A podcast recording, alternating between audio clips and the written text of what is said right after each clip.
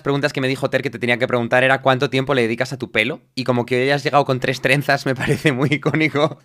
Porque yo lo vi y dije, vamos a ver, esta pregunta tampoco, no sé qué sea. No. Y de pronto es como que. No sé, tenéis telepatía. Eh, ¿Cuánto tiempo Totalmente. has tardado en Eh, hacerte las trenzas? A ver, por lo general a mi pelo, por lo general le dedico como cero tiempo. Y esto es una cosa, por ejemplo, que me dijo mi peluquero y creo que tiene mucha razón. Mi, mi peluquero, sabes, como eminencia. Eh, y es que, eh, por lo general, los hombres creo que somos como muy vagos, como para... Hay chicas, por ejemplo, que tienen más la costumbre, y creo que esto será una cosa de estos de roles de género seguramente, de si se tienen que tirar una hora, dos horas de cuidado de pelo, se lo tiran. Pero por lo, por lo general creo que nosotros, o al menos de la gente que conozco, somos como muy dejados. Bueno, muy yo- dejados en el sentido de ducharse, eh, secarse un poco en plan de toalla y, y para adelante. Y, Sí, y eso- eso- yo me ascribo, Yo me identifico con eso. Y lo que pasa es que yo, eh, o sea, lo llevaba al límite, pero que hay, hay más gente que lo hace. Vamos, de rollo, tenía. O sea, un día me fui al HM, me compré mm, 15 o 20 camisetas planas, eh, dos pantalones cortos, eh, 20 calzoncillos y 20 pares de calcetines y tiré con eso 4 o 5 años, en plan. No sé, ¿sabes? A mí que, me parece todo, que todo combinara con estoy- todo y que todo fuera funcional. Estoy de acuerdo contigo. A mí me parece súper funcional. Pero ya no lo hago tanto, ya no lo hago tanto. Y la influencia principal de que ya no lo haga tanto es Ter. Y tiene que ver un poco con eso, eh, relativo a eso. Estas trenzas eh, no me las he hecho yo, me las ha hecho Laura. Y Laura, ¿cuánto te has llevado? ¿Cuánto tiempo te ha llevado? Cin- cin- no, no te han llevado cinco minutos, te han llevado más. A 5 pensaba que iba a Siete. decir 5 horas. Dice siete. Dice, no sé, a mí me han parecido. Es que lo malo es que cuando te las hacen duele mazo. Duele, a mí ¿Sí? me ha dolido mazo. Duele mazo. Pero luego. Hombre, mm, Beauty is pain. Eso es una frase que se dice en la comunidad de belleza. Beauty is pain. Beauty is pain. Que Hmm, no es lo mismo que beauty is pain, pero sí. Sí, la moda duele. O algo así. La moda duele, lo, lo he leído. Eso lo no he lo visto, sé. leído ¿Qué, opina Laura? Beauty is pain. Eso, Beauty. Laura, ¿tú qué piensas? Beauty is pain. Beauty is pain. ¿Sabes? En plan esa frase, la belleza es dolor, equivale a dolor. Y tú te quejas porque eres un quejica, porque te he tirado de dos pelos. No sé si se ha escuchado, no sé si ha escuchado, pero bueno, pues aquí queda registrado. Estupendo. Pues. Bueno. Pues a ver, yo te quería preguntar unas cuantas cosas de cómo te organizas. Porque ahí donde se te ve que vas de no, yo aquí de relax, de chill, em, en realidad trabajas mucho. Y de hecho, trabajas Sí. Tanto que yo hay veces que digo, pero ¿cómo, ¿cómo lo gestionas? En plan, que a lo mejor tienes dos charlas en una semana, sacas vídeo, haces no sé qué, mm, y Hmm. yo digo, pero ¿cómo, cómo sobrevive este hombre? How is that possible? Eh, durante varios años significa no tener fines de semana, no tener tiempo Sí. libre. Literalmente. Bueno, en eso creo que tú también estarás bastante. No. El trabajo que tenemos es un trabajo de dedicarle el alma, básicamente. Hacer así dedi- y dárselo a YouTube. Toma, tienes mi alma. te lo te intercambio por distribución. Y, y la movida Totalmente de acuerdo, sí. Eh, hay, que, hay que darle, hay que echarle, hay que echarle horas. A ver, lo bueno es que mi trabajo me gusta tantísimo y estoy tan obsessed con él eh, que no me importa. Aunque sí es cierto que últimamente estoy intentando cambiar eso. Es cierto que últimamente ya. En parte porque creo que quiero hacer proyectos que sean algo más ambiciosos, vídeos más largos, que de repente no sea toda animación, sino que haya cámaras, que haya. Eso me está haciendo que los proyectos sean inalcanzables. Claro. O sea, que no se, no se pueda. O sea, no se pueda uno solo. Y eh, el no poder hacerlo yo todo yo me está llevando a delegar en otras personas, lo cual me parece genial. Para que gente con talento también tenga la oportunidad de show up. Eh, y por otro lado, eso, el, el poder descansar. El poder tener A tiempo para descansar. A mí me ha pasado que al empezar a delegar en otras personas, claro, son otras personas que sí que tienen, o sea, como precisamente no, o sea, como que nosotros somos los dueños del proyecto, entonces nosotros trabajamos fines de semana y de madrugada y tal, pero una persona cuando la contratas, eh, no, se trabaja de lunes a viernes ciertas Claro. horas, y entonces eso de pronto a mí me da una disciplina, Claro, ¿sabes? Totalmente. Como que me, me- me- de pronto me hace que se me separen los días, porque es como, ah, vale, o sea, el, el- el sábado no puedo pedirle a alguien que me haga nada, entonces mm, tengo que, o a lo mejor lo tengo que tener preparado para un, poco, unos par, un par de días antes, o a lo mejor ya espero al lunes, tal, eso me da un poco de disciplina. Y a mí lo que me ha pasado con, por ejemplo, el mockumentary, con el este de Mozart, Mm. es que tuve que estar prácticamente un mes y pico sin subir vídeo para poder subirlo. Y mm, eso no es sostenible en, en YouTube. No. Entonces, No lo es. claro, pues es un poco complicado, porque... Lo, lo es eh, siempre que o, o eso, o, le- o tengas un equipo que. O tengas un buen equipo que sepas manejarlo bien, que creo que es algo complicadísimo, lo de manejar equipos. Eh, o inviertes muchas horas Es muy complicado. de salud, sí. eso, o inviertes salud tuya propia, o Sí. no sé. O de algún modo, no sé, tienes tantos, tantos recursos que puedes como emplearlos correctamente. Mira, por ejemplo, yo creo que el ejemplo claro, Kurges, Kurgesacht, ¿no? El famoso canal de animaciones de ciencia, ¿no? Eh, joder, sacan a la semana más o menos, cada dos semanas, una animación que eso tarda una cantidad de horas que es brutal, brutal, y lo consiguen. Y lo consiguen por eso, por, yo creo que sobre todo mucha gente y disciplina. Y tener Sí. muchos recursos, claro. Sí, o sea, gente como MrBeast tiene en rollo 30 empleados. Claro. Y dices, claro, así. Claro. Y lo que pasa es que ahí hay dos cosas. Una es la más fácil de ver, que es que en España no genera tanto dinero YouTube, entonces no puedes permitirte tener 30 empleados con un canal de ningún tipo, realmente. Y mm, la otra es lo que tú has dicho de manejar equipos, de como ser una persona que sepa liderar equipos y como coordinarlo todo y, compartimentalizar tus proyectos y tus vídeos en algo que se pueda separar por fases. A mí me pasaba que al principio cuando yo grababa mis vídeos eran todos, em, o sea, eran como obras de artesanía. Entonces, por ejemplo, mis primeros primeros vídeos, yo me grababa los primeros dos minutos y luego escribía el guion de los siguientes dos minutos, los grababa, los editaba, veía cómo quedaban los primeros cuatro minutos del vídeo, sí, te lo digo veía cómo quedaban los primeros cuatro minutos del vídeo y decía, ¿ahora de qué podría hablar? O sea, por ejemplo, tengo un vídeo que es de Pokémon Abaj, que es en plan, yo no planeé ir de Pokémon Abaj, sino que iba en plan, a ver, voy a explicar esto de la polifonía. ¿Y ahora de qué podría hablar? Ah, pues de esto otro. ¿Y ahora de qué? Pues de esto otro. Y de pronto, pero lo, lo- lo hacía entero, o sea, lo grababa, lo editaba. Es la cosa más, la manera más ineficiente de trabajar que creo que hay. Pero era, Pero- Muy, al, era muy al principio. Dime, dime. No, no, pero que aún así es una metodología que puede llevar a cosas divertidas. Sí, sí, sí. es decir, Lleva, también llevaba a, a- O sea, como que yo en aquella época escribía un guion y no sabía si iba a funcionar o no. O sea, yo ahora leo un guion y digo, aquí falta un momento de broma, aquí falta un momento de. Esto va a ser demasiado denso, esto menos denso, esto. Mm. Si se pone este cartel funciona y si no, no, tal. Eh, antes no sabía hacer eso, entonces lo tenía que hacer. O sea, tenía la intuición, pero no sabía traducirlo a un guion. Entonces tenía que Claro. ver mi propio vídeo y entonces para eso lo tenía que haber grabado para saber si Fíjate. eso iba funcionando o no. Fíjate qué movida. Jamás Eso, me había... entonces- Mira, 12SV está en el chat y, y precisamente está Oh. diciendo, yo sigo en la fase de artesanía, Jaime. Te entiendo, dices, ¿verdad? O sea, ¿dónde está, está en la Y vaina? Antonio está en el chat también, Antonio García Villana. Oh, Antonio, joder, un abrazo a los dos. Sí, eh, fíjate, jamás, joder, que- que- a mí me, me resulta tan extraño, es que jamás... Pero es yo- que eso yo- es justo, para delegar Sí. es muy difícil. Porque Claro. si. O sea, como que para delegar la manera es que delego la edición, o llamo a alguien para que me ayude a grabar, o hago alguna cosa, ¿no? Entonces, si lo voy haciendo, pues esto lo hago el martes por la mañana, esto el miércoles por la noche, esto el jueves a mediodía, esto no sé qué, pues no, tiene que ser. Grabo el vídeo y se lo paso a mi editora. O grabo el vídeo y pido estas animaciones. O pido, ¿sabes? Como una cosa más. O ya ser el puto amo del universo, hago el guion y se lo paso a todos mis eh, súbditos para que lo hagan. Bueno, súbditos no. Eh, nivel nivel pero- Kurzgesagt, ¿no? Claro, nivel Kurgesag. Kur- Pero es que ni siquiera eso, porque el fundador de Kurgesag tiene guionistas. Sí que es solo como pulsar la tecla de hacer vídeos. Venga, más vídeos, más vídeos. Sí, la cuestión es que él hace ahí de control de calidad. Claro. que es como que al final tiene ahí la visión creativa de cómo tiene que ser. Pero bueno, eso es como en las pelis, ¿no? Yo, yo de pequeño eh, decía en plan, el director de una peli para qué sirve si no escribe el guion de la película. Y como que eso me, eso me chocaba al principio. Y, y- pero si no actúa, no escribe el guion, resulta que hay un director de fotografía que le ayuda con los planos y con las partes técnicas de la cámara y no sé qué, ¿qué hace el director?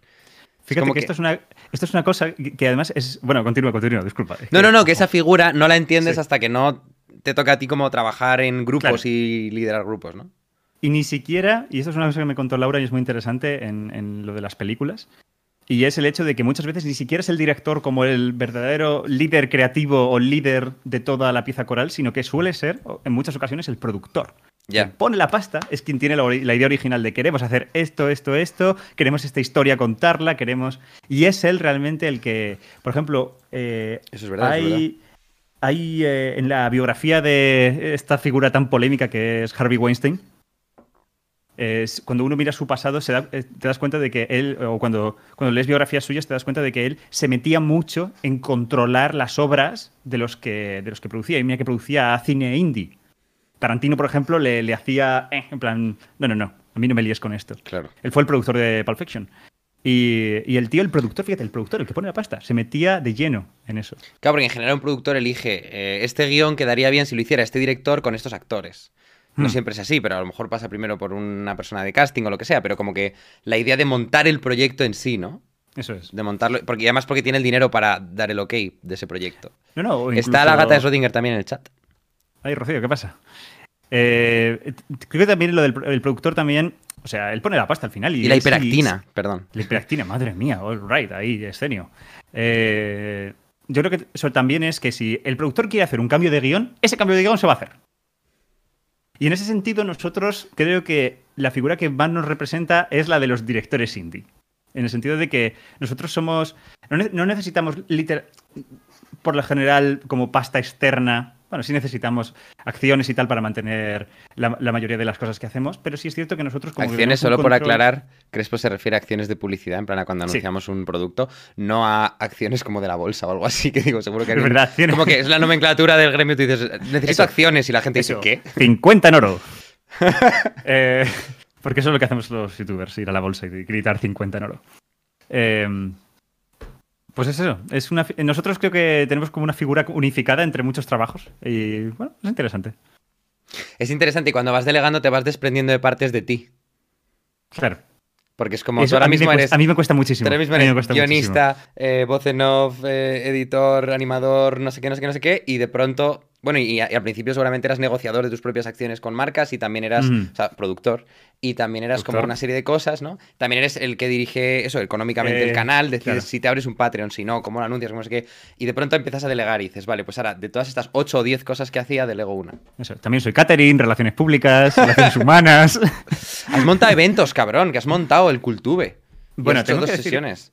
Tengo que decir que el Cultube también está hecho con el IFT, Con el IFT. Que, es- que ellos han hecho 5.000 millones de eventos, eh, más en el ámbito científico y en esto Ángel es el putísimo amo por, por darnos esta oportunidad, pero, pero efectivamente, ¿no? Es que a mí me pasa una cosa, y es que a mí, aparte de Quantum Fracture, que me apasiona mucho, solo soy una persona que siempre, siempre, siempre, siempre me, me vuelco y me obsesionan como proyectos random que pueden ser completamente estúpidos sin ningún sin ningún tipo de salida, ¿no? Pero en, en el sentido, ¿no? De, de hay que hacer un proyecto que sea económicamente rentable. No, a veces hago cosillas que. Como, como puede ser que eh, haya pasado algo hoy que me haya llevado más horas de las que debería. Ah, Que a lo mejor solo lo ha visto la gente que estuviera atenta en el segundo bloque. Es E imagino que habrá que gente que no lo habrá visto y estará diciendo, ¿qué? ¿De qué, de qué hablan? eso, ¿de qué, qué habrá pasado al final del segundo bloque? Mm. Ah, pero, pero sí, a mí es que me encanta echarle tiempo a esas cosas, sobre todo cuando de repente descubres herramientas tan potentes como en mi caso es After Effects y básicamente la edición no lineal de software de, de vídeo. Eh, cuando de repente tienes una herramienta tan potente para poder hacer todo tipo de locuras, es que es como, no voy a desaprovechar la oportunidad para usarla. Así que bueno, Jaime, siento si he, he provocado un poco el caos aquí hoy. A mí me ha encantado. Sorry, Yo- sorry, sorry. Que sepáis que no, o sea, no sabía lo que iba a ocurrir y he reaccionado. Eh, menos mal que se me ha, se me ha ocurrido lo de las gafas, porque si no, no sé qué habría hecho. Me habría quedado en plan, ¿qué cojones? ¿Qué está pasando aquí? bueno, sorry, sorry. Es que no, no puedo evitarlo. No puedo evitarlo. Es que yo soy. mi alma. En el fondo de mi corazón soy un poco improductividad. Tengo que decirlo. Bueno, no sé, dices que lo eres. Yo te veo todo lo contrario, pero sí, te entiendo. Te iba a preguntar, a nivel de organización, ¿tú cómo te organizas? En plan, ¿tú te, tú Hmm. te haces listas de tareas? Sí, Eh, de hecho, en esta pizarra. Si lo veis atrás, a lo mejor. eh, La pizarra negra. La pizarra negra, ahí tengo mm, tareas que tengo que hacer en principio en el día. Algunas las dejo porque no me dan tiempo y las paso al siguiente día. Pero por lo general no funciona para nada y solo sirve para recordármelas. Eh, no Y como mal. cumplirlas. Sí, sí, so- solo sirve para pasarlo mal, efectivamente. Eh, Pero ahí tienes todas las tareas de tu vida. Ahí tengo las, al menos Las las, profesionales. No, no, no, las profesionales, es verdad. Las, las otras no. Las otras van surgiendo sobre la marcha. ¿Ves? Improductividad a tope, es, es caos. All right. A mí me pasa que, rollo, mezclo totalmente la vida personal de la vida profesional. Y además cada vez me... O sea, como que cada vez me doy cuenta que yo no sé hasta qué punto eso voy a poder cambiarlo. Porque, Entiendo. o sea, digo, y si, si me cojo una oficina, por ejemplo, donde tenga los settings de grabación, porque nosotros ahora tenemos en casa tres settings de grabación y tenemos un cuarto que todavía no hemos puesto en práctica y queremos tener un quinto.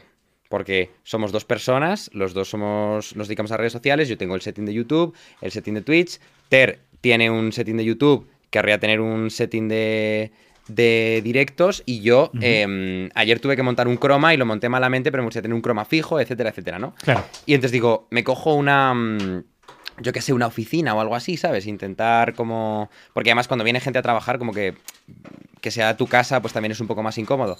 Pero, mm, pero es que como todo lo que grabo es tan mío, o sea, es tan de, de cosas de mi vida, o sea, a lo mejor si grabo un vídeo y quiero hablar de Godel Scherbach, que es mi libro preferido, pues necesito ir a mi dormitorio a cogerlo y mostrarlo. O de pronto, eh, si me quiero grabar en la cocina comiendo cereales porque forma parte de un gag, me he grabado en la ducha, me he grabado en la cocina, me he grabado, no sé, ayer de pronto se me ocurrió en el momento eh, un gag que tenía que ver con una almohada y una manta de cama y tal para que pareciera que estaba durmiendo. Y pues es que si estuviera en una oficina, necesito, o sea, como que me tendría que ir, o sea, como que tendría que estar la oficina pegada a mi casa o algo así, ¿sabes? Como que no... Claro. No Claro, no, sé. tiene ningún. En tu caso a lo mejor es un poco más distinto porque como que las animaciones no están tan dentro de tu vida, pero yo estoy todo el rato mostrando mi salón, mi cocina, mi casa, mi Claro. dormitorio, mi vida. Entonces me cuesta y también me cuesta a nivel lista de tareas, como que tengo muchas tareas que son de trabajo y muchas que son personales y las voy intercalando, no tengo un horario de trabajo y un horario de personal. No sé tú eso cómo lo llevas. No, yo tampoco tengo estrictamente un horario de trabajo, más bien. Es, es- funciona más bien a partir de las, eh, las tareas que tenga. Si hay un día en el que hay que currar muchísimo porque hay una fecha de entrega y tal, pues hay días que son más ligeros, otros días que no, otros días intercalan cosas como lo de la maca, otros días intercalan cosas como ir a comprar, o realmente es caos, es caos puro, puro y duro. Pero creo que sí podría decir que, que digamos que cuando, cuando hay que ponerse en serio porque hay que sacarlo esto, este día y tal, eh, pongo todo en el asador. Es decir, si un día hay que sacri- sacrificarse y dormir poco, etcétera, y esto es una cosa que tú comprenderás igualmente que yo. Sí, pero además es Ah, rollo nivel hay que de hacerlo. estudiante en época de exámenes que dice, pues ya está, tengo un examen, pues a muerte, no duermo en Ya. tres días y ya está. El problema es que yo creo que no he trabajado nunca tanto como, como en esta etapa, trabajando de YouTube. Nunca, ni en la carrera, Ya. diría yo. Yo, yo, o sea, yo de manera constante no. O No, sea, no, como que en la eso, carrera, es- o sea, como que ahora intento no dormir poco y ese tipo de cosas. En la carrera a lo mejor sí que en un periodo de 72 horas podía trabajar una burrada a base de tomarme no sé cuántos cafés y tratarme súper mal el cuerpo y luego me pasaba factura en la salud y, y a tomar por culo. Pero, en, pero aquí lo que sí que es es como mucho trabajo, pero día tras día. Yo en la universidad tenía las épocas de exámenes con mucho trabajo y luego el resto Claro. del tiempo no trabajaba tanto. Exactamente, exactamente. También se le añade una cosa, y es que, al menos para mí, invertirle tiempo en esto, invertir mucho tiempo en esto, no me parece tan desagradable como invertir tiempo en un examen. ¿Sabes? Es como los exámenes. es- en- al menos en mi experiencia en la vida académica, eh, muchas de las pruebas estas eh, para que te pongan un numerito y que sea cuantificado de algún modo lo bueno o malo que eres, pues eh, me hastiaba en exceso. Me Ahí el hate, el hate por los exámenes. A ver, que tú no eres, tú eres el único que odia al mundo académico. Aquí, aquí tienes a otro. Yo, mi, Eh, mi vídeo del sistema educativo lo, está, está inspirado en el tuyo. De hecho, no sé si tiene incluso el mismo. No, no tiene el mismo Eh, título, pero. eh, creo, creo recordar porque lo he escuchado varias veces, porque me resultó muy interesante. Eh, sí, recuerdo que, que mencionabas mi vídeo y tal, y joder, súper súper agradecido, la verdad, súper agradecido. Fíjate, ahora que lo miro con perspectiva, con tiempo, el vídeo que publiqué y tal, eh, no sé, diría cosas distintas, diría cosas distintas. A partir de ese vídeo he recibido mucho feedback de profesores, etcétera, y, y bueno, eh, se podrían pulir cosas. Es un, es un tema súper complicado, súper complicado. Hmm. No sé. Vale, ¿a, ti no te pasa, todavía- a ti no te pasa Sí. lo de que de pronto, bueno, es justo lo que me estás diciendo que te pasa, pero como que tú hiciste algo hace tres años y la gente lo consume a día de hoy y entonces como Claro. que a lo mejor ya no te representa tanto, has cambiado como persona o lo que sea. Totalmente. Y yo llevo solo tres años en YouTube o cuatro, pero es que hay gente que lleva diez. Tal cual. Tal cual. Y fíjate que es complicado porque es, yo al menos lo que siento es que es como matizaciones. Me gustaría matizar más algunas cosas. Ya. Y no voy, no se puede. No se puede porque es un artilugio del pasado. Bueno, nunca, eh, nunca estaría mal hacer adendums de las cosas que has hecho en el pasado. Yo creo que sería, sería una Sí, buena. o sea, depende manera. del formato. Si esto fuera Twitter, por ejemplo, en- o sea, en- en- como que sí, como que Claro. podrías seguir el hilo, continuar el hilo. Nuevas Eso ideas, tal. Pero aquí es como que tendría que ser otro vídeo separado y, y dice, y como que alguien puede pensar, no, pues ya está, es la continuación, pones parte 2. Y es como, sí, pero si la parte 1 la ven 2 millones de personas y la parte 2 la ven 20.000, no es una Hmm. parte 2. Porque no están enlazadas en contenido. No van juntas, la gente no las... Entonces, no funciona. Tú puedes decirte a ti mismo que has hecho una parte 2, pero no has hecho una parte 2. Es cierto, porque no la va a ver ni la misma gente, ni posiblemente tanta gente. Bueno, no lo sé. Bueno, a lo mejor- evidentemente. a lo mejor incluso Sí, la ve más la la parte ¿no? 1, pero... Bueno, claro, claro. Ah, pero creo que eso es mejor que la nada. Eso es verdad. Eso, a veces- Es el- eso- a- a- que realmente es el argumento peor del mundo. Es, bueno, en fin, es el argumento que se le puede aplicar a todo, ¿no? En plan, pero esto es mejor que la nada. Pues efectivamente, pues Bueno. eso te doy la razón. Bueno, no sé, bueno, no sé si la enseñanza en matemáticas actuales es mejor que la nada. Eso estoy. Soy bastante radical en eso. ¿No iban pero... como a, a quitar las matemáticas de bachillerato, no sé qué cosa, que leí el otro día? No, Sí, sí, sí, sí. Eh, efectivamente, lo querían como hacer opcional, eh, incluso para chavales que estaban haciendo un bachillerato eh, científico. Lo cual es como absurdísimo, ¿no? Ya. Ah, pero, pero bueno. Me resulta también un tema súper complicado de hablar. Súper complicado. Pero Joder, desde no luego está, no yo está creo. claro Sí. qué se debería, qué, qué asignaturas se deberían enseñar, ¿no? Porque, eh, o sea, como que hay un montón de cosas de, yo qué sé, economía personal. Eso nos enseña. Hacer la declaración de la renta, pagar impuestos, eso nos enseña. Las, pues. leyes que hay, las leyes que tienes que cumplir, las leyes que te regulan tus derechos y tus deberes, nos enseñan. Entonces, Eh, nutrición, ¿se enseñan con las cosas básicas de nutrición? Tampoco. No Mucha gente sé. también argumentaría, creo que no. Eh, o al menos creo que están los temarios. de nutrición como tal, no. Sí, de, mm. de- como que el tubo digestivo sí que se enseña. No, sí, en el sentido de anatomía, etcétera, sí. Pero. Pero bueno, hay, hay ciertas cosas, no, ciertas cosas puntuales que, que son importantes para el día a día. Es decir, son cosas muy prácticas, muy utilitaristas, que nos enseñan. O que si se, si se están en los programas, mm, mi percepción personal, y matizo de esto, eh, es, que, es que no se acaban enseñando. Pero no se podría enseñar todo. O sea, si haces una lista de todo lo que molaría enseñar, no se puede enseñar todo. Entonces es complicado. Exactamente, tienes que elegirlo. Tienes que elegirlo y eso es complicado. Eso es complicado, porque creo que todo el mundo merece la oportunidad de aprender de cualquier cosa. Bueno, pero es el Ahora- es hacer muchas cosas opcionales, ¿o no? Exacto. Es una posibilidad, pero también abrumar, por ejemplo, un chavalito de 13, 14 años con una cantidad de optativas y que él, diga, pues no sé qué hacer. Joder, eh, pues eso. Fíjate, un, chavalito de 13, 14 años que le pongas a elegir si quiere matemáticas en el futuro o no. Que este es un argumento muy bueno que me dio mi amiga Nevesu. Eh, joder, imagínate que no la coge y que por culpa de eso, pues no desarrolla una carrera en química, ¿no? O una carrera que ¿Sabes? Tampoco necesitas estar como súper obsesos, que te gusten como muchísimo las matemáticas para poder, para poder ser bueno en ellas. No sé, me parece complicado. Me parece complicado. A mí lo que me pasó es que las, las matemáticas de la carrera, de pronto sentí que eran otro mundo completamente distinto a las matemáticas del bachillerato. Las matemáticas del bachillerato son matemáticas aplicadas a la ingeniería y son súper eh, de memorizar y volcar, que ni siquiera eso sería una es buena ingeniería, pero como que em, están más aplicadas a un uso más inmediato, o no sé cómo, cómo decirlo. Y en cambio las matemáticas de la, de la universidad, de la carrera de mates concretamente, son muchísimo más de base, mucho más abstractas, mucho más... Y, y- y- son más, son no son más difíciles. A mí no me parece más difícil em, estudiar los elementos del álgebra o del cálculo a nivel elemental que aprenderse tres folios de integrales. Ay, si es que los. Aprenderse tablas. Ese es el gran problema. Ese es el gran problema de todo. Una, una pregunta. ¿Tus profesores de matemáticas eran matemáticos? Eh, ¿En el colegio? Sí, en el colegio, en el instituto. Bueno, sí. Bachillerato. No me acuerdo, o sea, quiero decir, en principio, o sea, no sé qué, han- no sé qué estudiaron ellos, ¿no? ¿Te refieres a eso? Sí. ¿Qué estudian la carrera? No, no lo sé, no, ahora mismo no lo sabría decírtelo. Porque es que yo. Pero mis profesores Eh, de sí. física sí. que eran físicos, eso sí. Fíjate. Mis profesores de física, ninguno era físico, o física, mejor dicho. Pero mis profesores de matemáticas, hubo unos que no, y hubo unos que sí. Y con los que sí eran matemáticos, noté completamente la diferencia. De hecho, sí, creo que si no hubiera sido por ellos, pues a lo mejor yo no, estuviera aquí, no estaría aquí.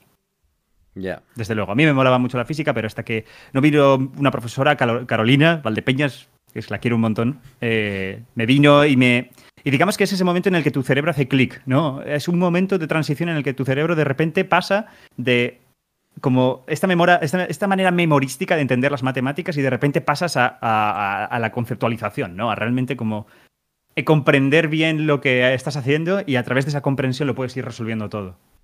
Yo ese paso, si no, si no hubiera sido por una profesora que tuve y que nos puso contra las cuerdas, realmente nos, nos puso, nos ponía retos, es decir, sus clases no eran fáciles, sus exámenes y sus problemas no eran fáciles, sin, sin ese reto intelectual no creo que hubiera dado ese salto. Pero a lo mejor eso a ti te dio la vida, pero a otras personas les, les frustró totalmente y les arruinó por completo. Puede ser, puede no ser. lo sé. También tengo Porque a mí, a mí que- me gustaba sí. cuando, cuando el profesor, Mm. justo lo estuvimos hablando con Ter cuando estuvo aquí el otro día, que la- el típico profesor que te pone siempre los problemas en una dirección y de pronto en el examen te los pone en otra, te dice, calcula la, velocidad de escape, calcula la velocidad de escape, y de pronto en el examen es, dada esta velocidad de escape, calcula la masa de... y dices, "Oh, es en la otra dirección, no sé qué hacer. A mí eso me encantaba. Y, y la gente entraba en. O sea, no, o sea, a mí a mucha otra gente le encantaba, pero había otra mucha gente que entraba en colapso, odiaba al profesor para siempre, le decía, "Eh, así no es como los has puesto en, los, en las hojas de ejercicios, así no sé qué, y era como. Porque la gente lo que quiere hacer es problemas tipo. Sí, quiere hacer problemas tipo, quiere repetir el mismo problema que ha hecho en las hojas. Y vale, eso está bien. Es decir, vale. Es decir, los, los ingenieros, o en muchos aspectos de la ingeniería, pues realmente lo que tienes que hacer es saberte un problema concreto muy bien cómo resolverlo, un problema que es terriblemente difícil, que ningún físico sabría resolver porque tiene como muchos, muchos detalles, y saber replicarlo muchas veces. En algunos aspectos de la ingeniería, no quiero decir todos. Pero en muchos otros aspectos de la vida lo que realmente te da habilidades es, es eso, es como poder completamente que te pongan cualquier cosa delante y tú saber resolverlo y que tengas recursos. Y si tú no entrenas eso, estás como perdiendo una, una habilidad que es maravillosa. Pero claro, la movida es cómo hacer que la gente entre en ese rollo de la mejor manera posible. Y creo que una de las críticas que más se le podría hacer a la enseñanza, por ejemplo, en matemáticas, es que está muy poco... eh, tiene muy poco contexto creo yo. Yo creo que ese es el Vale. gran problema de las matemáticas. Y es que no se contextualizan muchas veces lo bastante bien. Simplemente eh, te viene el profesor y aunque te explique muy bien los, pues eso, la propiedad asociativa, tal, la estructura de grupo que tiene no sé qué, o de repente un vector, ¿qué es un vector? Es un elemento de un espacio vectorial. ¿Qué es el espacio vectorial? Pues es esto, esto, esto. ¿No? Como que de repente el profesor viene y te da una retaíla de definiciones que posiblemente ni te van ni te vienen. Y en ese sentido, eso, no hay contexto. Es, te sueltan la movida, ¡boom! te sueltan en la cara y se acabó. Y creo que una gran clave es contextualizar todo eso. pero Y en plan dices poco con ejemplos de, de cómo serviría esto para el mundo real. ¿o a qué Por ejemplo, refieres? conexiones con el mundo real. Eh, conexiones con el mundo real, pero, pero que la clase se base en ese ejemplo de la vida real y cómo a, partir de ese ejemplo de la vida real tú extraes todo eso. Que en el fondo es lo que hacemos nosotros en nuestros vídeos. Como han empezado, y como han empezado muchos de los descubrimientos de las matemáticas. Ahora ya quizás no tantos, pero. Una cosa que Paul Lockhart eh, dice mucho es que se le ha privado a los estudiantes de matemáticas de la historia de las matemáticas. Vale. Como se cuenta de esta manera descontextualizada, tú no entiendes de dónde han salido las cosas. Y a menos que el profesor de matemáticas vaya y te nombre gente como Gauss, Leibniz, eh, Fourier, eh, le- ¿sabes? Le Verrier, eh, bueno, Le Verrier no, perdón. eh, sí. Sí, Lagrange y toda esta gente, eh, sí, te están privando de una parte, una parte cultural de las matemáticas muy importante. Mira, yo, yo creo que eso es la clave. por, por, no, no sé si por llevarte la contraria un poco, pero All right. no me parece solo que las matemáticas como que les falte contexto, sino que em, como que cuando se explican, eh, tú mismo has dicho, ¿no? Que te empiezan a soltar una retaíla de definiciones. Pero son, o sea, las matemáticas en general son, una cosa totalmente abstracta y son definiciones que están construidas sobre otras definiciones previas y otro sistema estructural que está por debajo, que puede ser la teoría de conjuntos o que en última instancia puede ser la lógica o lo que sea. Y a mí lo que me ayudó a conectar todo y como a tranquilizarme ya de una vez fue bajar hacia abajo. Fíjate. Fue como que de pronto me dijeran, a ver, vacía tu mente. Solo existen los conjuntos. Y ya está, no hay otra cosa. Esto es la unión, esto es la intersección tal. Y porque eso sí que te- a veces te enseñan en clase. Esto es un conjunto, unión, intersección, pero no, no, en plan, desde ahí vamos a construir los números naturales. Desde ahí vamos a construir el concepto de cuerpo, de anillo, de grupo. Desde ahí vamos a construir el concepto de un sistema métrico con distancias. Desde ahí vamos a construir el cálculo. Y fue como, ah, que está conectado. Hmm. ¿Sabes? Porque si no en matemáticas, yo la idea que tenía es como que un día te decían, Están los conjuntos, tienen unión e intersección. Están las matrices, tienen multiplicación, que es un poco rara, y tienen suma, que es más intuitiva. Y luego tienen el determinante, que no te lo voy a conectar con nada. Buena suerte. Luego están los espacios vectoriales, tienen relación con las matrices, pero a veces no. Luego están las integrales y las derivadas, que no tienen relación con nada de lo que te acabo de decir, salvo cosas muy complicadas. Y, y era como saltos de cosas como que estaban todas en. Pues como cuando juegas al Buscaminas. Y entonces le das, se te abre un trozo, le das, se te abre otro trozo, le das, se te abre otro trozo. Es como, la gracia es que se te abra un solo trozo. ¿No? Sí, unir- eh, unirlo todo, ¿no? Tener un, un conocimiento, sí, podríamos decir holístico, ¿no? en el que todo está con- en el mejor sentido. Es que precisamente mi primera clase que tuve con esta profesora Carolina fue estructura de los números naturales. O sea, fue estrictamente lo que estás contando. Aunque, ¿y qué, qué ocurrió cuando pasó eso? Que toda la clase se asustó. Ya. De repente que te venga una matemática, te empieza a escribir en la pizarra, para todo n perteneciente a n mayúscula existe un único... Que realmente es así como son las clases de la universidad y es una preparación muy buena, ya saber lenguaje matemático duro eh, para eso. Pero no creo que sea la manera... Es decir, Jaime, tú eres un tío que te- le interesan mucho las matemáticas. Mucho. Pero la realidad es que a la mayoría de la gente que les encierran en esas clases no es no, el caso. y no solo que Y- no les interesen las matemáticas, sino que lo que quieren, y es muy razonable que lo quieran, es en plan, dame la lista de qué tengo que hacer para aprobar. O sea, Tal yo cual. necesito aprobar.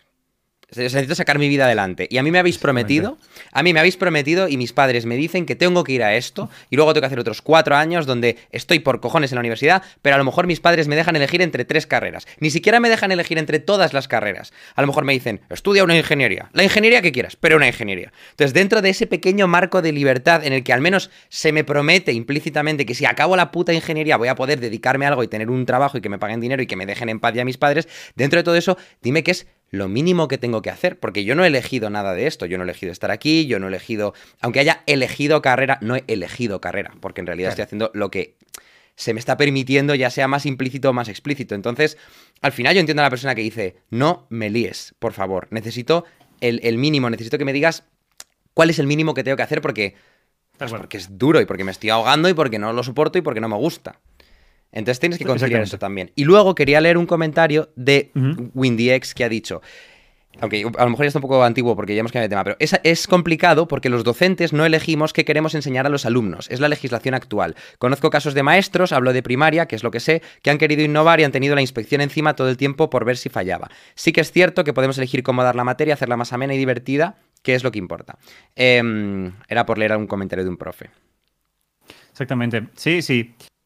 Esto es una cosa que se ha repetido como mil veces. Y es que existen. O sea, ha- hay muchísimos profesores que quieren dar una buena clase. Y también es, es cierto que eh, los medios que, con los que cuentan no son suficientes. O sea, evidentemente podemos estar discutiendo todo lo que queramos sobre maneras de enseñar mejor las matemáticas, las, la lengua, la historia, etcétera. Pero si tienes al final del día una clase de 30 chavales, vas a darles una peor clase, vas a, vas a tener un tratamiento individual mucho peor que si solo tienes una clase de 15. En ese sentido, joder, yo es que también, como mi padre también es profesor, o bueno, lo era, ya está jubilado, sé que, o entiendo yo que la enseñanza es más que ir a una clase, soltar cuatro mierdas e irte. O sea, enseñar, al menos tal y como yo lo entiendo, es desarrollar una relación personal con tus alumnos. Eso es enseñar de verdad, para mí. Es tener un Vale. vínculo con tus, con tus alumnos. ¿Vale? Enseñarles cosas, pero ese vínculo yo creo que tiene que estar y ahí radica muchas de las cosas que tú les enseñas y el impacto que tienen ellos. Y si tienes 30 alumnos, ese vínculo es imposible. es si tienes iba a 15, llegar, claro. mm, menos aún. eh, menos aún. Yo creo que al menos la idea mm, súper pitagórica que tengo yo de lo que debe ser la enseñanza ah, es como imposible en el mundo actual. Pero bueno, eh, es lo que hay. Pues nada, nada que añadir. Em, te iba a preguntar, em, tenía, tenía aquí la lista de cosas que te quería preguntar sobre em, productividad. ¿Eres una persona que suele acabar lo que empieza?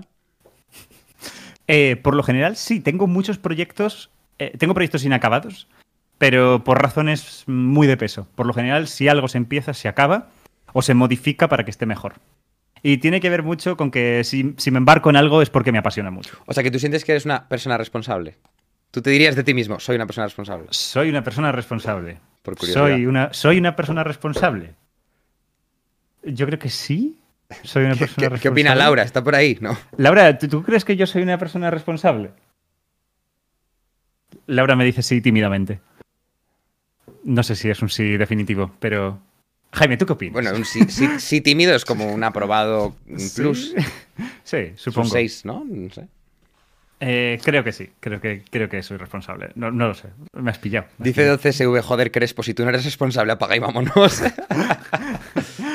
Es cierto que Carlos es un poco mi handman de fechorías por Madrid y es cierto que muchas veces he tenido que declinar cosas guays con él porque me he tenido que quedar animando, tengo que decirlo. Supongo que es su responsabilidad. Bueno, Pero otras veces ¿sabes no. qué te digo? No, pero ¿sabes qué te digo? ¿Que eso es responsabilidad o no? Porque, o sea, al final, bueno, ahora cuando ya empiezas a tener un equipo y gente que depende de ti, ahí sí Mm. es responsabilidad. Sí si tuvieras hijos y tuvieras que alimentarles, pues sí es tu responsabilidad. Pero si eres un bachelor de la vida y tu negocio es tuyo y no. O sea. Es, es, es, o sea, ¿con, con, con quién está la responsabilidad? O sea, estás siendo responsable subiendo vídeo, pero si no lo subes, el único perjudicado eres tú, que a lo mejor ese mes, pues, no comes o lo que sea. Pero. Claro.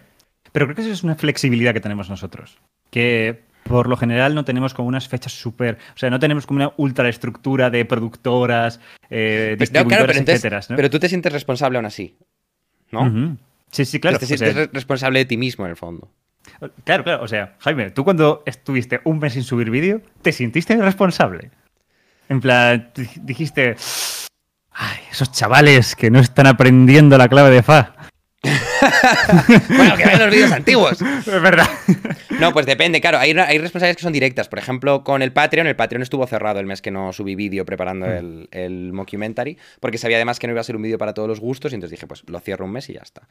Em, pero sí que hay, quizá hay una responsabilidad con la audiencia. em, no, hay gente que espera también de ti que subas vídeo. Yo sí, sí, hay gente que espera, porque claro, en el fondo, si eres... Yo, en- mi caso tampoco soy ultra, ultra constante, pero la gente está de que a las 7 de la tarde los jueves se sube vídeo. Eh, joder, ahí tienes un compromiso de, estás proporcionando en, este caso entretenimiento, enseñanza, lo que sea, a una persona y joder, si faltas, si faltas le estás fallando un poquito, eh. Eso es verdad. yo creo que la, la responsabilidad con tu audiencia radica más en darles bueno, con- buen contenido. Sí, en la ¿sabes? calidad del contenido que en la cantidad. Bueno, sí, Sí. pero que sí, sí, que te has, si te has comprometido a ciertos días y tal, pues sí que hay No, un... no me refiero tanto a la cantidad, porque tanto como si tienes mm, subes tres vídeos por semana como si otra cosa, creo es el, el rollo de no subir, o sea, aparte de, la- de no subir un vídeo si no crees 100% en él. Si no es un vídeo que tú dices, esto lo vería pero a fuego, ¿sabes? En plan de, básicamente, no subir...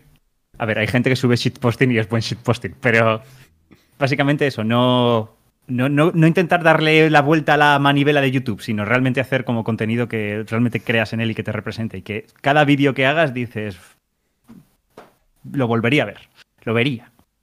Yo, ahora. Yo a veces veo mis vídeos y me sorprendo en plan, ¡eh, qué bien hecho!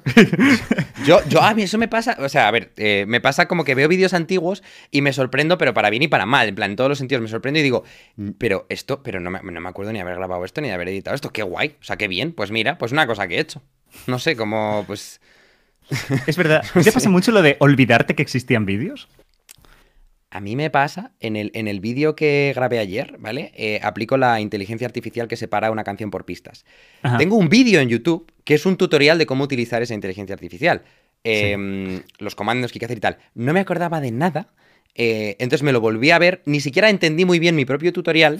Y debajo en, los, en la caja de comentarios había un chico que se llama Miguel TM, creo recordar, que había eh, transcrito el, el orden en el que había que hacer las cosas y lo había puesto todo con links, con pasos, con no sé qué. Wow. Y entonces, em, o sea, me sentí ridículo. Porque era la típica persona que no entiende el tutorial y se va a los comentarios a preguntar dudas, pero el tutorial era mío. Superado. Y, y es porque no me acordaba. Es por- no me acordaba de haber hecho ese vídeo. Fíjate. Joder, qué guay. O sea, es como superado por tu propia comunidad. Exactamente, eso está bien. Eso es que la comunidad es buena. Es, es maravillosa, claro. Hostia, qué maravilla, qué maravilla. David Dobrik dice, comenta JSer2000. David Dobrik dice que si no te da pena poner tu vídeo en una fiesta, sabes que estás por buen camino. Eso, Eh, eso, eh, eh, abstraído un poco, sí que, sí que tiene sentido como la idea de... O sea, si es un vídeo que te gustaría poner a la gente como si lo hubieras descubierto de una tercera persona y dijeras, mira qué vídeo tan guay, es que tu vídeo pasa al menos tu propio filtro de calidad. Es que O hay veces sea- que a lo mejor un vídeo no pasa tu propio filtro de calidad y no te has dado cuenta. Fíjate, o sea, yo entiendo que puedes tener inseguridades con un vídeo en plan de, ah, o esto se podría haber hecho mejor. Pero es como, yo creo que hay que tener ser fiel como a la idea clave, ¿no? Como al corazón del vídeo. Ah, luego el resto creo que son cosas un poco colaterales. Pero lo de la fiesta estoy de acuerdo, estoy muy de acuerdo. Recuerdo en plan tener 17 años y enseñarle vídeos del eulogio a mis colegas de fiesta, borrachos, ¿sabes? Eso es. Y poner los ninjas púrpuras, coño.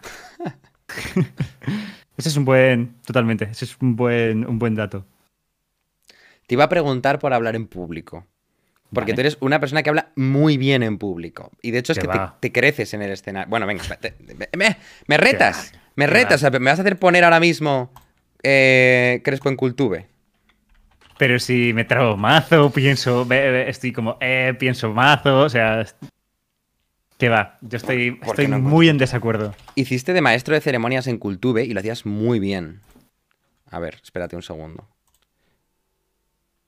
A ver, a ver, a ver. Espérate que lo pongo, ¿eh? No, o ¿qué va sea, tienes, poner? tienes Cuidado, soltura cuidado, Y, y tienes soltura como maestro de ceremonias, que eso es otra cosa más. Porque yo a lo mejor una charla, si me la preparo y tal, como que yo creo que la tengo con soltura y, y sin problema, pero no sé si maestro de ceremonias me, me saldría tan natural, ¿eh? A ver, O voy a poner, espera, voy a poner un fragmento. Hmm. No sé si tú lo vas a oír, pero creo que no, pero... Es, es un aplauso. Es, es un aplauso garantizado. Muy bien, sí. A ver, voy a... Claro, eh, muchos os preguntaréis, eh, mm, Crespo, ¿qué cojones hacías con el presidente? O sea, ¿qué, qué es esto? Bueno, con un montón. Tuve dos A ver, es que es- es- están tus diapositivas por encima, espera. Ok, bien. Nuestro primer ponente. nuestro primer ponente es graduado en informática. Además, es especializado en inteligencia artificial. Hmm, ¿Quién será? ¿Quién será? ¿Quién será? Eh, y también es el fundador de Machine Learning Hispano, que es una de las comunidades, es la comunidad más grande. Bueno, sí, que hablas. O sea, que lo haces muy bien, tienes mucha presencia y, y- lo haces muy bien. Entonces te quería preguntar, Joder, porque Muchísimas gracias. la, la gente. eh, el otro día estuvimos hablando de eso, en plan, la gente estaba dando eh, consejos de cómo hablar en público. ¿Tú qué consejos Mm. tienes? A ver, es que mi experiencia hablando en público. A ver, a ver, un poquito de background. Eh, yo durante el instituto hice, aunque un poquito, teatro. ¿Vale? Entonces ya hay cierta experiencia en subirse a un escenario y decir, pues mira, hay no sé cuántas personas, pero esta mierda vamos a hacerla. Esta- esto tiene que tirar para adelante. Eh, en ese sentido. Pero claro, es muy distinto porque una cosa es tener un guion estrictamente, mm, ¿sabes? Un guion que te lo sabes de arriba abajo, que sabes perfectamente lo que vas a decir, que sabes perfectamente cuándo la gente se debería reír o cuándo deberían, ¿sabes? Es como que tienes como control absoluto. ¿no? Y ahí yo creo que uno está tranquilo. Al menos No, yo me siento tranquilo ibas- cuando eso lo Tú ibas estás- gastando bromas de esto que es lo más difícil, que es a tiempo real, de a lo mejor llega alguien, da su charla y cuando tú sales a despedir esa charla y presentar la siguiente, hilas. Como Matías Prats cuando hace Sí, las típicas eh, bromas eh, del telediario de. Sí, sí, pero eran cosas muy chorras, muy obvias. Yo creo que a cualquier persona se le habrían ocurrido. Cualquier persona. Lo que pasa es que también creo que una cosa que hay que tener en cuenta cuando uno está en un escenario es que por lo general uno tiene como un poder especial encima de un escenario. Hay mucha gente que no se lo cree, que tiene ese poder, ¿no? Pero estar encima de un escenario te da cierto poder respecto a la gente que, estás debajo y los chistes de repente todos son más graciosos. Y de repente las cosas que dices tienen mucho más efecto. Ya ni te cuento cuando hacen estas cosas los del stand-up, que es calentar al público antes, ¿no? Que salga otro cómico, les hacen que se rían, que estén más dispuestos a reírse y entra ya el O sea, cómico. estar en el principal, escenario potencia, es un catalizador, pero si Sí. es una mierda, potencia la mierda y quedas más en ridículo y es peor. Sí, si tienes que. Yo creo que es como que te lo tiene que sudar. O sea. Es que me, me encanta porque estoy diciendo todo esto y a la vez estoy recordando el vídeo de Ter de no puedo hablar en público. Y estoy es como estoy repitiendo como todos los tópicos de, de que estaba diciendo Ter. Eh, no sé, chicos, no sabría deciros. Yo creo que hay dos cosas que podríais hacer. O sea, estos, estos son dos consejos reales que os doy. Eh, haced mierda por internet de hablar en público. Porque, a ver, primero, ¿Cómo, cómo, cómo? internet, A ver, tal sí, cual, sí. haced cosas, haced cosas. Mira, por ejemplo, eh, el podcast del pantano, ¿no? Mi, mi podcast que hago, que hacía con mis colegas, ¿no? Sobre, sobre peña random de internet, ¿no? o peña pantanosa de internet. Bueno, mis colegas no estaban acostumbrados a hablar en, en público. No es en público delante de un. Pero, joder, te ponen, te ponen un micrófono encima, sabes que es- hay una grabación, sabes que. ¿Sabes? Hay una presión ahí. Y es una presión muy parecida a tener un montón de gente delante, creo yo. Entonces, mis colegas. mm, y fíjate que hicimos 10 capítulos y se notó mucho como en cada capítulo iban mejorando muchísimo. Tienes Hasta el punto, Sí, hasta perdón, el punto sí. de que en el capítulo último que hicimos, que fue un capítulo que lo hicimos con público, estaban fresquísimos los tíos. Fresquísimos. Y un montón de gente en un bar mirándoles a un palmo de distancia. Ya. O sea, con la cantidad de podcasts que hay fuera, chicos, haced podcast. No, tampoco aspir, ¿sabes? Que no tenéis por qué aspirar a ser el mejor podcast del universo. Simplemente hacedlo con- sobre algo que os gusta y por el hecho de entrenar esta cosa de hablar. Yo creo que esa es, es una manera muy buena de entrenarlo. Me parece un buen consejo porque en, en última instancia hay gente, pero yo incluido, que nos ponemos nerviosos grabando ante una cámara, solos en casa, sabiendo que lo puedes borrar y editar.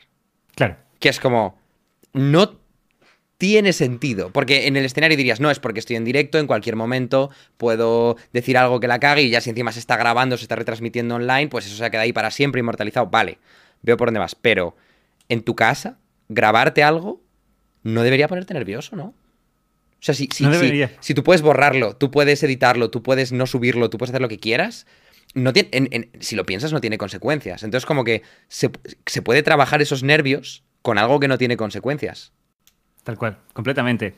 Y de hecho, Dot mm, hace un point muy interesante que puede ser uno de los catalizadores de que mis colegas en el pantano se soltaran. Y es que, evidentemente, pues había alcohol de por medio. Así que, oye, hacer podcast borrachos a lo mejor es la clave para aumentar vuestra habilidad aquí hablando.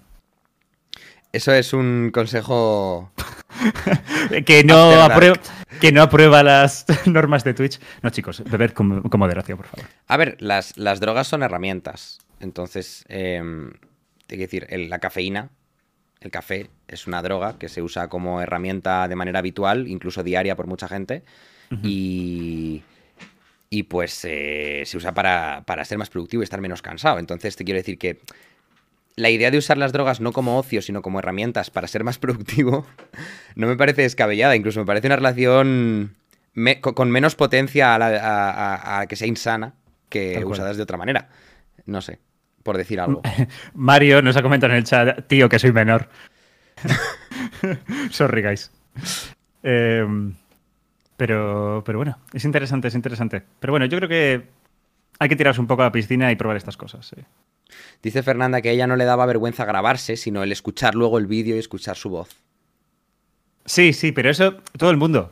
Todo el mundo. O sea, a mí también me da vergüenza a veces escuchar mi voz y editarla o editarme a mí mismo. Editarme a mí mismo me sigue dando vergüenza. En plan de. ¿Qué haces? Ya, te Pero, pero, pero hay que hacerlo.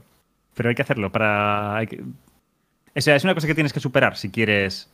Si quieres comunicar cosas, entiendo yo. A menos que te ocultes detrás de la animación o algo, algo así.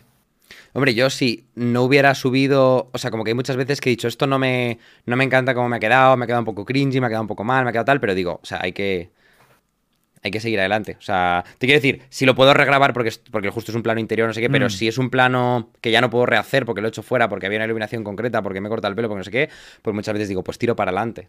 Porque si no, pues haría menos vídeos. Y entonces ya, pues, si subo poco, imagínate ya. Yo creo que esa es una de las claves, ¿no? De que tienes que ser exigente con las cosas que haces, pero a la vez tienes que tener como ese tengo que dejarlo ir.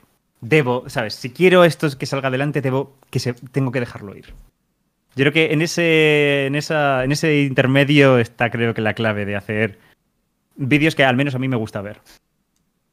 Ya. Te iba a preguntar una cosa, que es que hay un aspecto de ti que eh, a mí me sorprendió mucho conocer, que es que te flipa salir a comer. Es verdad, me encanta comer.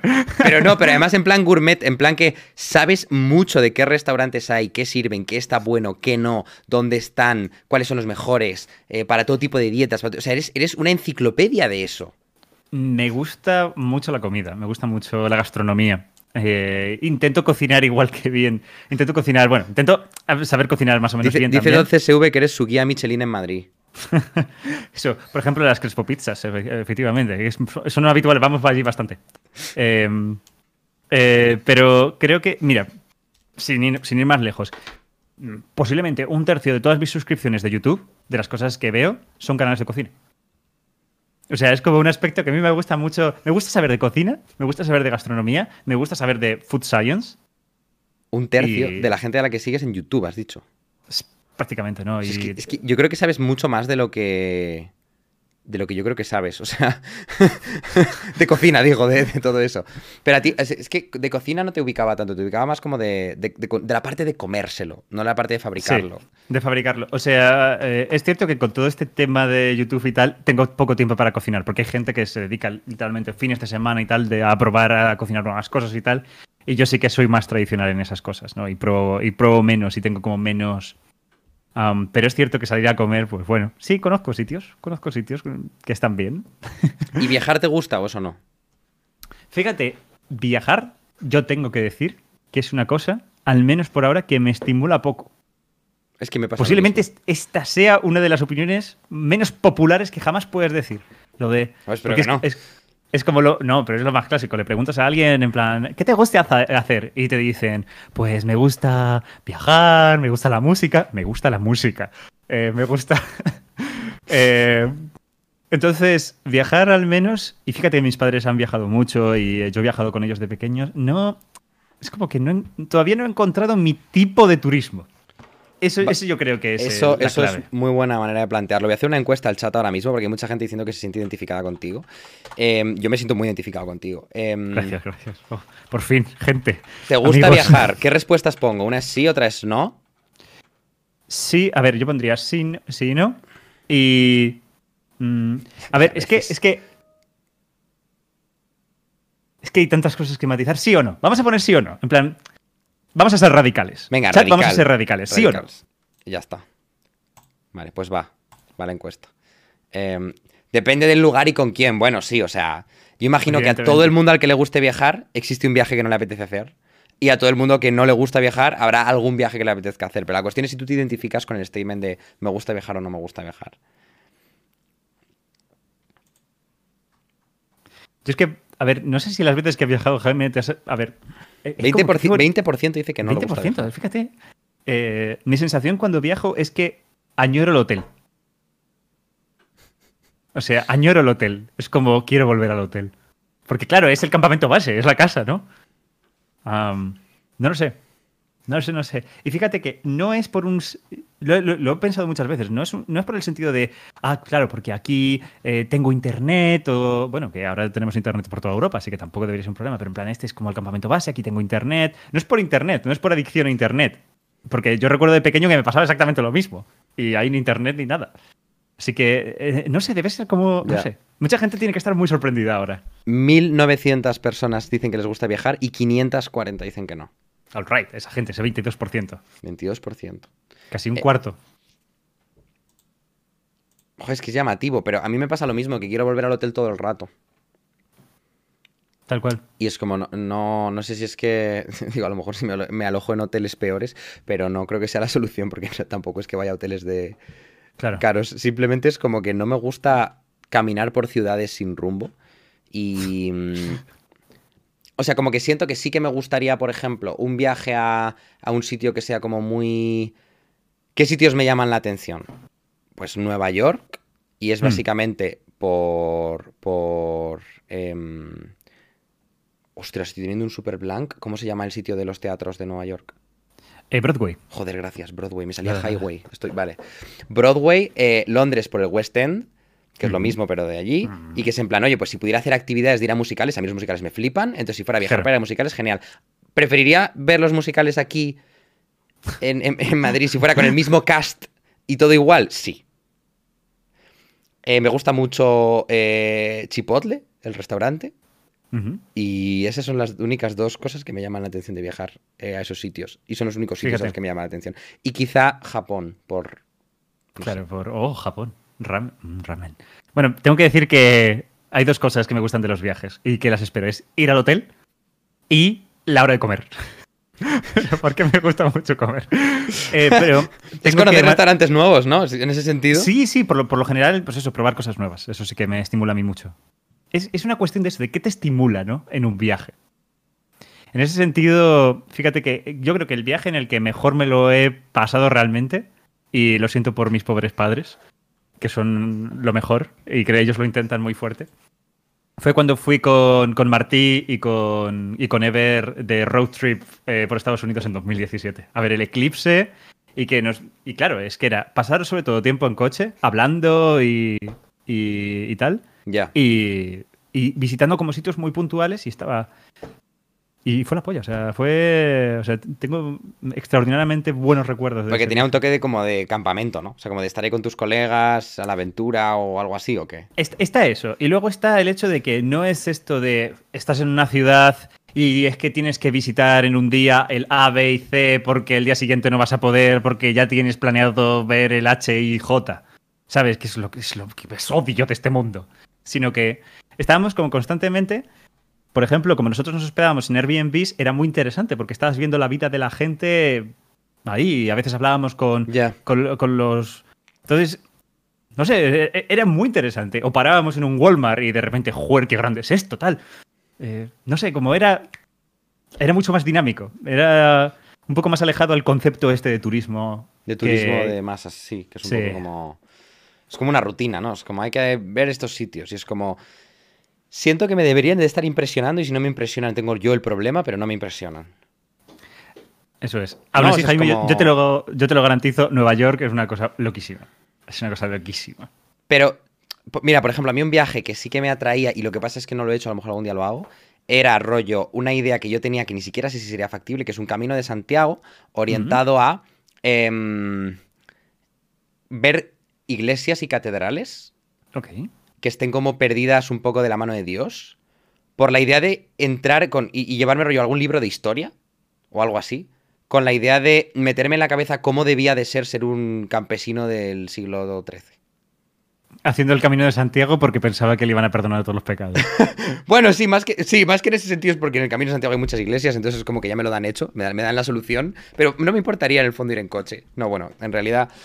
Pero como, como la idea de, mm, no sé, meterte, o sea, ir caminando por el campo, que no haya nada y llegar a un sitio con unas cuantas casas y de pronto meterte en una iglesia y como notar, no sé, como, como intentar parece- entender, es que se supone que eran, o sea, como que una catedral es un edificio que te tenía que volver loco en aquella época. Claro. Y ahora, pues yo lo siento, pero es que no me vuelven loco porque estoy tan sobreestimulado de cosas.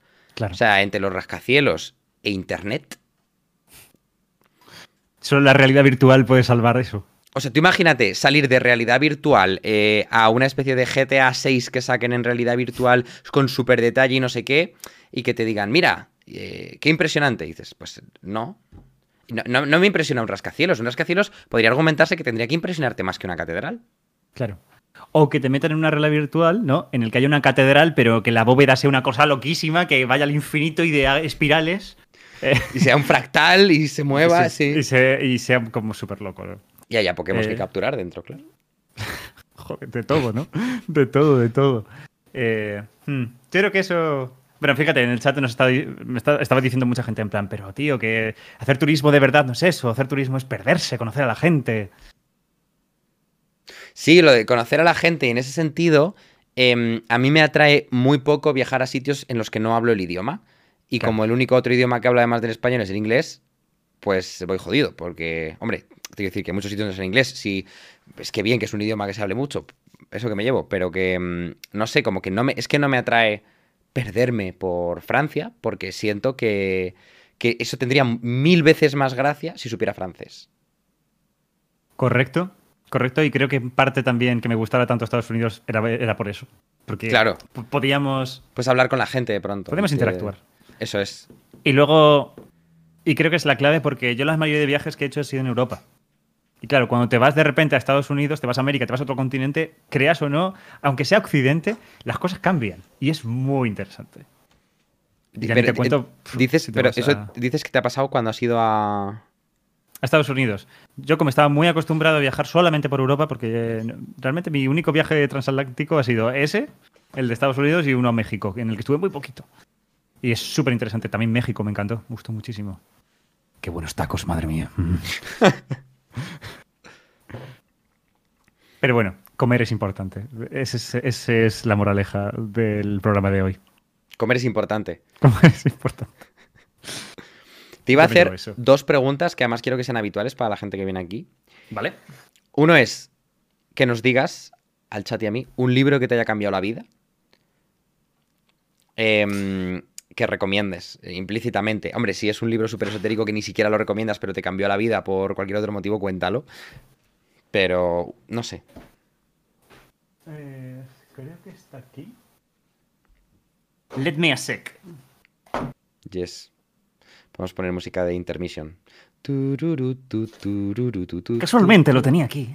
Wow. Eh, no, tengo que decirlo, voy a ser honesto. Realmente creo que, creo que no tengo un libro que haya dicho, "Buah, ahora soy una persona completamente distinta. No, no, no es así. Eh, casi que diría que hay vídeos que han hecho eso, que han hecho ese efecto. Te lo compro. Puedes recomendar un Eh, vídeo en vez de un libro si quieres. Yo, eh, yo empecé a interesarme fuertemente por la física por un documental muy famoso llamado El universo elegante de Brian Greene, que es un documental sobre de, cu- de cuerdas. Y es un documental tan bien producido y con unos efectos especiales tan locos que, claro, eso deslumbra, ¿no? Y eso deslumbró al jovencito José Luis de 14 años. Y eh, por eso empecé a leer cosas de física. Pero si tuviera que decir un libro. Bueno, que- eh, eso viene Sí. de un libro, ¿no? El universo elegante es un libro. Viene de un libro de divulgación, pero sí es cierto que yo los leía a posteriori. Esos libros los leía a posteriori. Fue el documental el que me llevó a toda esta movida de la divulgación. Totalmente. Vale, Pero el si universo elegante que- de Brian Greene. de Brian Greene. Me lo voy a ver. eh, El documental, el documental entero está en YouTube. O sea, es la polla. Es, es como efectos especiales todo el rato. Es el precursor de lo que sería el, Tu adicción eh, por el After Effects. Básicamente. Yo creo que, yo creo que tiene mucho que ver. Em. No, pero, si perdón, el precursor de lo que sería qué? Cosmos o algo así, ¿no? Sí, sí, Cosmo- el, la Cosmos Nuevo. La Cosmos El Nuevo, sí. El Cosmos Nuevo que también es todo efectos especiales todo el rato. Pero si tuviera que decir un libro que si lo hubiera leído en su momento, hubiera sido, mm, vamos, totalmente, y eh, es este de aquí. Measurement de Paul Lockhart. Paul Lockhart. Hombre, Paul Lockhart mola. Lo que pasa es que Paul Lockhart solo he leído un post de un blog una vez. Pero me gustó mucho lo que decía. El manifiesto, ¿no? Sí, el manifiesto de por qué se enseñan mal las matemáticas, algo así es, ¿no? Yo eh, es que soy muy radical. Yo realmente en enseñanza matemática, los que me conozcan lo saben, soy muy radical, soy una persona muy radical. Y este señor es, el- es en parte el culpable de que sea tan radical. Y sus libros, él es profesor de matemáticas en, en Nueva York, de hecho. Y tiene una manera muy peculiar de enseñar matemáticas eh, de manera contextualizada. Vale. A través de geometría, sobre todo. Y es muy bonito, o sea, es súper bonito. O sea, es un libro que tú dices. "Qué hijo de puta". estoy O sea, buscando el, el libro en Google. eh, creo que solo se puede comprar por Amazon. Es que es un señor muy mayor, de noventa y tantos años. Eh, No, lo autopublica, pero es complicado encontrar los libros. Tiene este y otro que se llama Arithmetics, que habla sobre cómo se han construido los números. Y también es súper guay, porque es que el tío no solo te cuenta las cosas de esta manera contextualizada, sino que po- de vez en cuando te pone un problema. Pero no te pone un problema en plan. Te tira ahí en plan un, un problema en plan. Calcúlame la raíz cuadrada de no sé qué. Sino que de lo que estás leyendo, de repente te pregunta una cosa. Te suelta como una pregunta curiosa que tú puedes pensar en plan cuál es la, la respuesta. Y me parece tan eficiente. O sea, es. O sea, so good. So good. O sea, esto es divulgación de primera clase. Vale, pues me, lo- me lo he apuntado, o sea, me lo, me Sí, lo miraré. Bueno, me miraré el documental Bueno. y el libro. Bueno, Measurement de Paul Lockhart. ¿Vale, señores? Vale. Haced clip. Y, y, y- y- y, mm, y eso es. Y tengo otra pregunta. All right. Es una pregunta muy específica. Esta pregunta es una pregunta que hace Tim Ferris a sus invitados del podcast. Y entonces se la he copipasteado. Que es, háblanos de un objeto de menos de 100 euros que te haya cambiado la vida. Em, de menos de 100 euros. Ostras. Let, let me think, let me think. Oh, oh, oh, qué complicado. Qué complicado. Que me haya. Very difficult question. Very difficult question. Es, es difícil. Te la- te Muy la- difícil, te- en, en mi defensa diré que te la dije por adelantado porque sabía que Me iba a ser una pregunta difícil. Oh, no, no la leí. ¿Qué- ¿Por qué pasó esto? es una pregunta muy jodida que te la hagan si no te han avisado. Em, la Vale, Biblia, dice Copper. Eh, yo voy a continuar con mi obsesión con el trabajo. ¿Vale? Y solo se me ocurre una cosa. Solo se me ocurre una cosa. Pero voy a continuar con mi sesión del trabajo y gasté 100 euros exactamente en un paquete de sonidos que son todo como cosas como. Y. O pum. Y sonidos de este, de este palo. Y a día de hoy lo sigo utilizando en Quantum Fracture. Y creo que es la cosa más amortizada. Y que. mm, ¿Sabes? Como que animaciones muy malas las mejora muchísimo tener una buena postproducción de Eso sonido. joder, lo de los efectos de sonido es fundamental. Pero ¿y no usas los de Epidemic Sound? Uso. Lincoln. Eso. ¿Es que acaso no utilizas los de Epidemic Sound? No, eh, también los utilizo. Pero es que fue antes de tener Epidemic Sound. Yo hago Eh, una mezcla, yo uso eh, los que vienen en Final, los de Epidemic, Ah, a veces busco algunos gratis de. YouTube y luego eh, uso algunos de Splice, que es otra librería, no sé, uso de varias. Y, y es que es fundamental, sí. O sea, el- la idea de que to- todo movimiento visual tiene que ir acompañado de un movimiento auditivo es muy, es muy... cambia, le da vida. Tal cual. La postproducción de audio yo creo que es lo que más odio hacer en los vídeos, pero creo que es totalmente necesario. Totalmente. Totalmente. Oye, pues a ver, tú ahora tienes un directo a las 8 en Escenio. Literalmente, literalmente en 10 minutos debería empezar mi directo, que me está mi colega Ignacio Crespo esperándome. Vale, hacer esto. Pues vamos a reidearlo. Y lo que pasa es que tendrás, no sé cómo hacerlo, tendrás que irte a. Me tengo- me Eh, tengo háblanos, que ir. háblanos de qué vas a hacer, de qué vas a hacer el directo, de qué vas a hablar. Es, es un a ver. directo que se llama Dos Crespos, un chat. Sí, sí, a ver, un poco de contexto. Yo participo dentro de un canal de Twitch que se llama eh, TV, en el que un montón de divulgadores es- intentamos hacer contenido diario de divulgación para aquí, para Twitch. Todos los días que... Y básicamente tenemos programas. Eh, por ejemplo, 12SV, que está aquí en el chat, pues tenía uno de Minecraft. Ah, tiene, un, tiene un programa de Minecraft. eh, Santa Olaya tiene una especie de concurso. Y bueno, yo tengo uno que se llama Chucrespos One Chat, en el que estoy con Ignacio y hablamos básicamente de pseudociencia, eh, eh, pensamiento crítico, pensamiento escéptico. Y, y, por ejemplo, hoy, básicamente, el programa Esa- de hoy iba. Hoy, ¿qué- ¿de qué vas a hablar? Cuéntanos. En, ocho minutos vamos a hablar sobre experiencias personales en el que nos hemos encontrado a, a gente que, bueno, que cree un poco en pseudociencias y cómo hemos. eh, cómo hemos, ha sido ese, ese, ese intercambio. Tengo una historia muy loca que me pasó en Malta de vacaciones con mis padres, que por fin la voy a contar. Y por otro lado, Ignacio va a hablar sobre un caso de denuncia que tuvo. De que, de que le denunció una persona. Voy a dejar que Ignacio lo cuente, Madre porque mía, sí, sí, claro. Ignacio es un batallador. Joder. Lo vamos a contar ahora, en Chucrespos One Chat. El, el canal es Stenion TV. Bueno, ahora haremos un raid, o sea que le- les aparecerá, no hace falta. Pues no sé, bueno, pues podemos seguir hablando, ¿no? Podemos estirarlo un poco, ¿o no? Podemos estirarlo todo lo que quieras para dejarlo en los últimos minutos. Si, si esto ya lo tengo, o sea, lo tengo todo listo. O sea, Jaime, tengo que decirlo, tengo que decirlo. Había preparado muchas cosas para molestar a la gente en el chat, pero me he controlado. por- en parte porque he sido muy productivo. O sea, he hecho bastante story. O sea, no lo he acabado, es, cierto. es que esto funciona, esto Es que funciona, ¿sabes? Y he dicho. eh, eh, y entre las cosas que había Pero no planeado. confiabas, no confiabas, no creías. No creía, ¿no? Y entre las cosas que había planeado y en esto me he tirado un montón de tiempo y creo que esto lo voy a publicar en Twitter para que la gente lo haga y ya está. Porque. Pero había pasado un tiempo en. Enséñanoslo, por favor. ¿Vale? Atentos, gente. A A ver, no sé yo- si se está viendo correctamente. Yo me, encargo de que se vea, no te preocupes. Yo me encargo de que se ¿Vale? Se va a tapar mi imagen, pero había preparado básicamente un, un crucigrama temático de todo el lore Jaime, Jaimeiter, ¿Qué dices? ¿Qué coño dices? tal cual, del, del lore temático Jaimeiter para que lo hiciéramos en directo con el chat, ¿vale? Pero al final me ha penado de todos vosotros. Me- He dicho, mira, mejor no vamos a liarla. Eh, y, y aquí lo tenéis, os lo voy a subir a Twitter si queréis hacerlo, ya que he Yo lo quiero gastado hacer. esfuerzo en hacerlo. Y Complemento favorito de Jaime. Conjunto de notas sonando a la vez. Acorde menor. Se te ha ido la tarde. Las ídolas de Ter. Fijo que era un grupo de personas. ¿Qué será? ¿Qué serán esos? Bueno, yo creo que si conoces el lore, los, los sabes. Prison Mira, Break ahí la pero gente, mira, y la gente, la gente en el chat ya está ahí contestándolo. Joder, qué, qué maravilla. Dios, qué maravilla. Y, y- pero es que, es que cuando me has dicho que habías preparado tantas cosas, he dicho, pero. mm, ay, Dios mío. Lo de la maca Claro. ha sido un hito. Bueno, muchas gracias. Joder. Así está bien, ¿eh? Me, me lo he currado. ¿Quieres enseñar algo más de lo que habías preparado? Y que, a ver, o sea, Em, lo diremos. Pues, pues a ver, Dime, a ver. A ver, a ver, espérate, a ver, ¿qué más tengo? Uy, que se me ha activado el outro. Eh, pues a ver, ¿qué tenía? Mira, tenía algunas cosillas más. A ver, las voy a mostrar. Aparte de. Aparte de los. Emote de Crespo en la maca. Vale, vamos a ver. Aparte de algunos crucigramas extra que tenía para hacer la tontería antes de hacer el crucigrama de verdad, eh, me había comprado el Oli para leerlo en directo.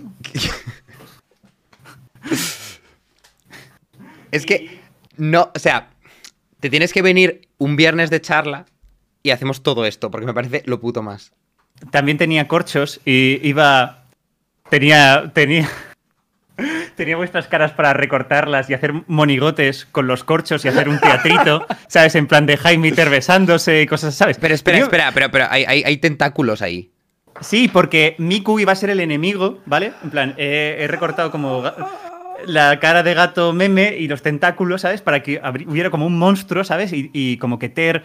O sea, el plot realmente... O sea, no me puedo creer que vaya a contar el plot, pero el plot era...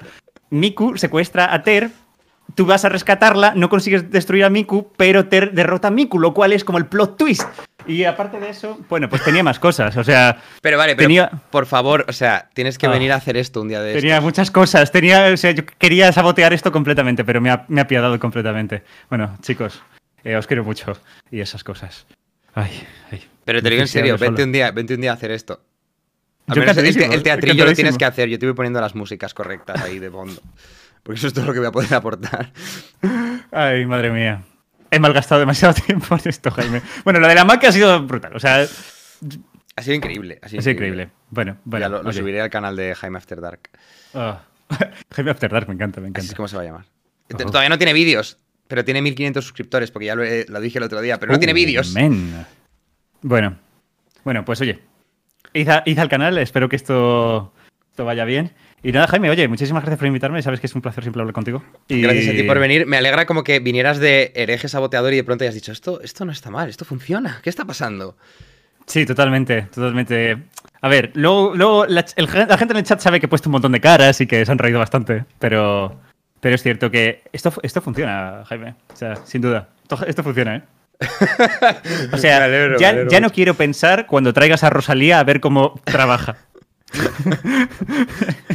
Es que al final todo el mundo, sea quien sea, trabaja así en un ordenador y no hay más. Pero está bien como es, en plan como que nos iguala a todos en ese sentido. Eso es verdad, eso es verdad, joder. Pues Me- nada, tío, a muchas gracias por venir. Venga, vete ya, in- inicia el stream y te hago el raid. Vale, vamos hablando. Y nada, chat, un placer. Nos vemos en la próxima. Hasta luego, Jaime.